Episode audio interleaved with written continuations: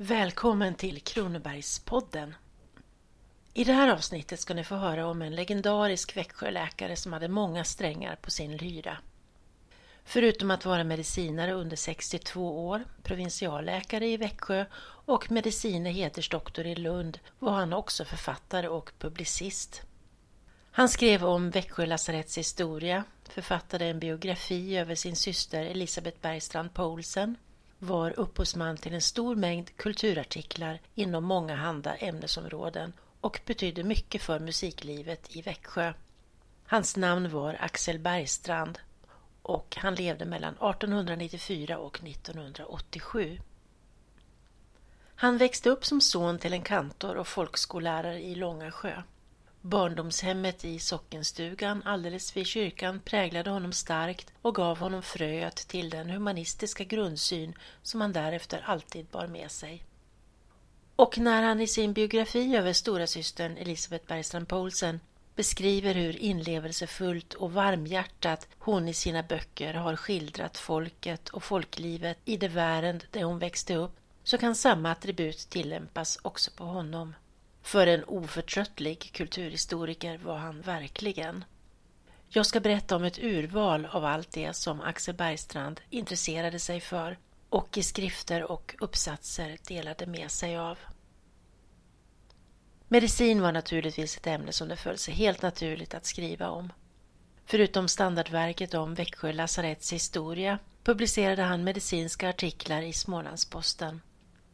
En handlar om lasarettsväsendets tillkomst på 1700-talet och lasarettets grundare och initiativtagare, landshövding Joakim Bäck Fries. En annan handlar om de administrativa turerna kring lasarettets krisläge och etablering i början av 1800-talet med intressanta detaljer om landshövding Carl Stellan Mörners ansvarskännande agerande, andra ledamöter i lasarettets första direktion och statistik och kuriosa. Om hur spanska sjukan härjade inte bara i Europa utan också i Sverige år 1918 handlar en annan artikel. Där beskrivs inte bara sjukdomens symptom och förlopp utan Bergstrand kryddar berättelsen med anekdoter och färgstarka ögonblicksbilder. Och om en fräck kupp uteslutande med syfte att tjäna pengar uppehåller sig redogörelsen ur Svenska Läkartidningen från 1960 om den tvivelaktige läkaren Carl Gustav Osbeck som i början av 1800-talet svindlade Serafimerordensgillet som under denna tid innehade högsta tillsynen över Sveriges lasarett då han ordinerade en högst verksam kur mot syfilis. Det verksamma läkemedlet i denna kur var dels en svältdiet och dels en dekokt på inget mindre än hundloka, en vanligt förekommande växt i hela Sverige.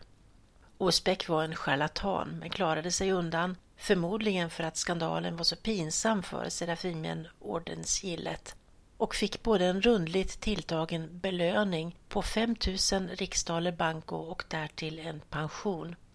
Ett tidigt historiskt fall av den typ av fallskärm som vi i vår tid har sett så många anstötliga exempel på. Bergsrådet Johan Lorenz Askan, enligt beskrivningar både färgstark, orädd och också skoningslös, är omskriven på många ställen i böcker och skrifter. Han var en av de fem ledamöterna som ingick i den allra första lasarettsdirektionen i Växjö år 1814.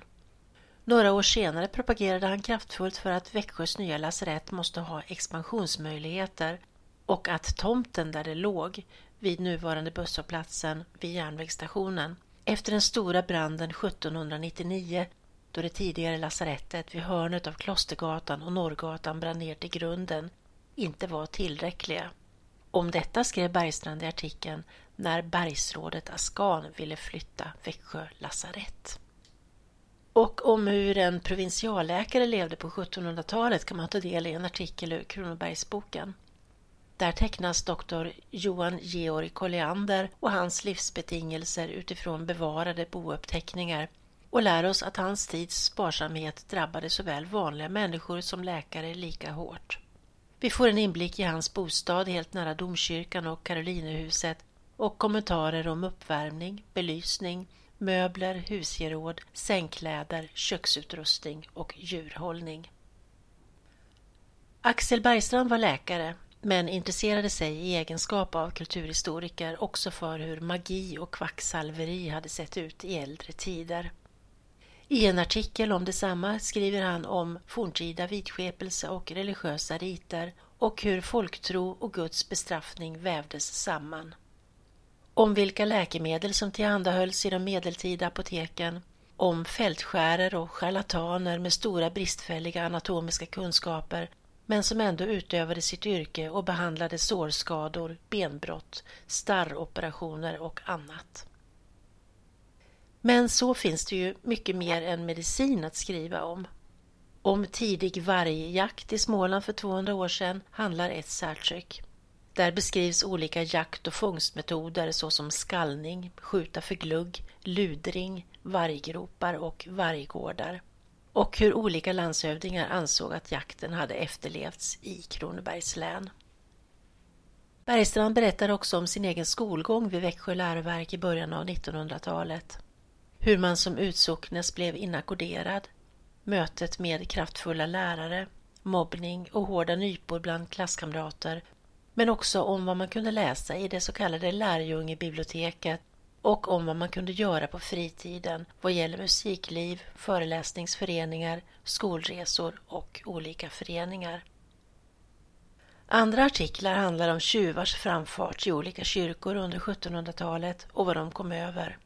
Vad gamla Amerikabrev från 1800-talet kan berätta och synpunkter på arbetet i en hembygdsförening och vad som i det avseendet bör beaktas. Men också Gustav IIIs statskupp år 1772 avhandlas och där gör Bergstrand även en vågad beskrivning av regentens psykiatriska bild. Den likaså flitige kulturhistorikern lektor Ludvig Larsson får en kort presentation men desto längre bibliografisk förteckning i en artikel ur årsskrift för Växjöstudenternas förbund.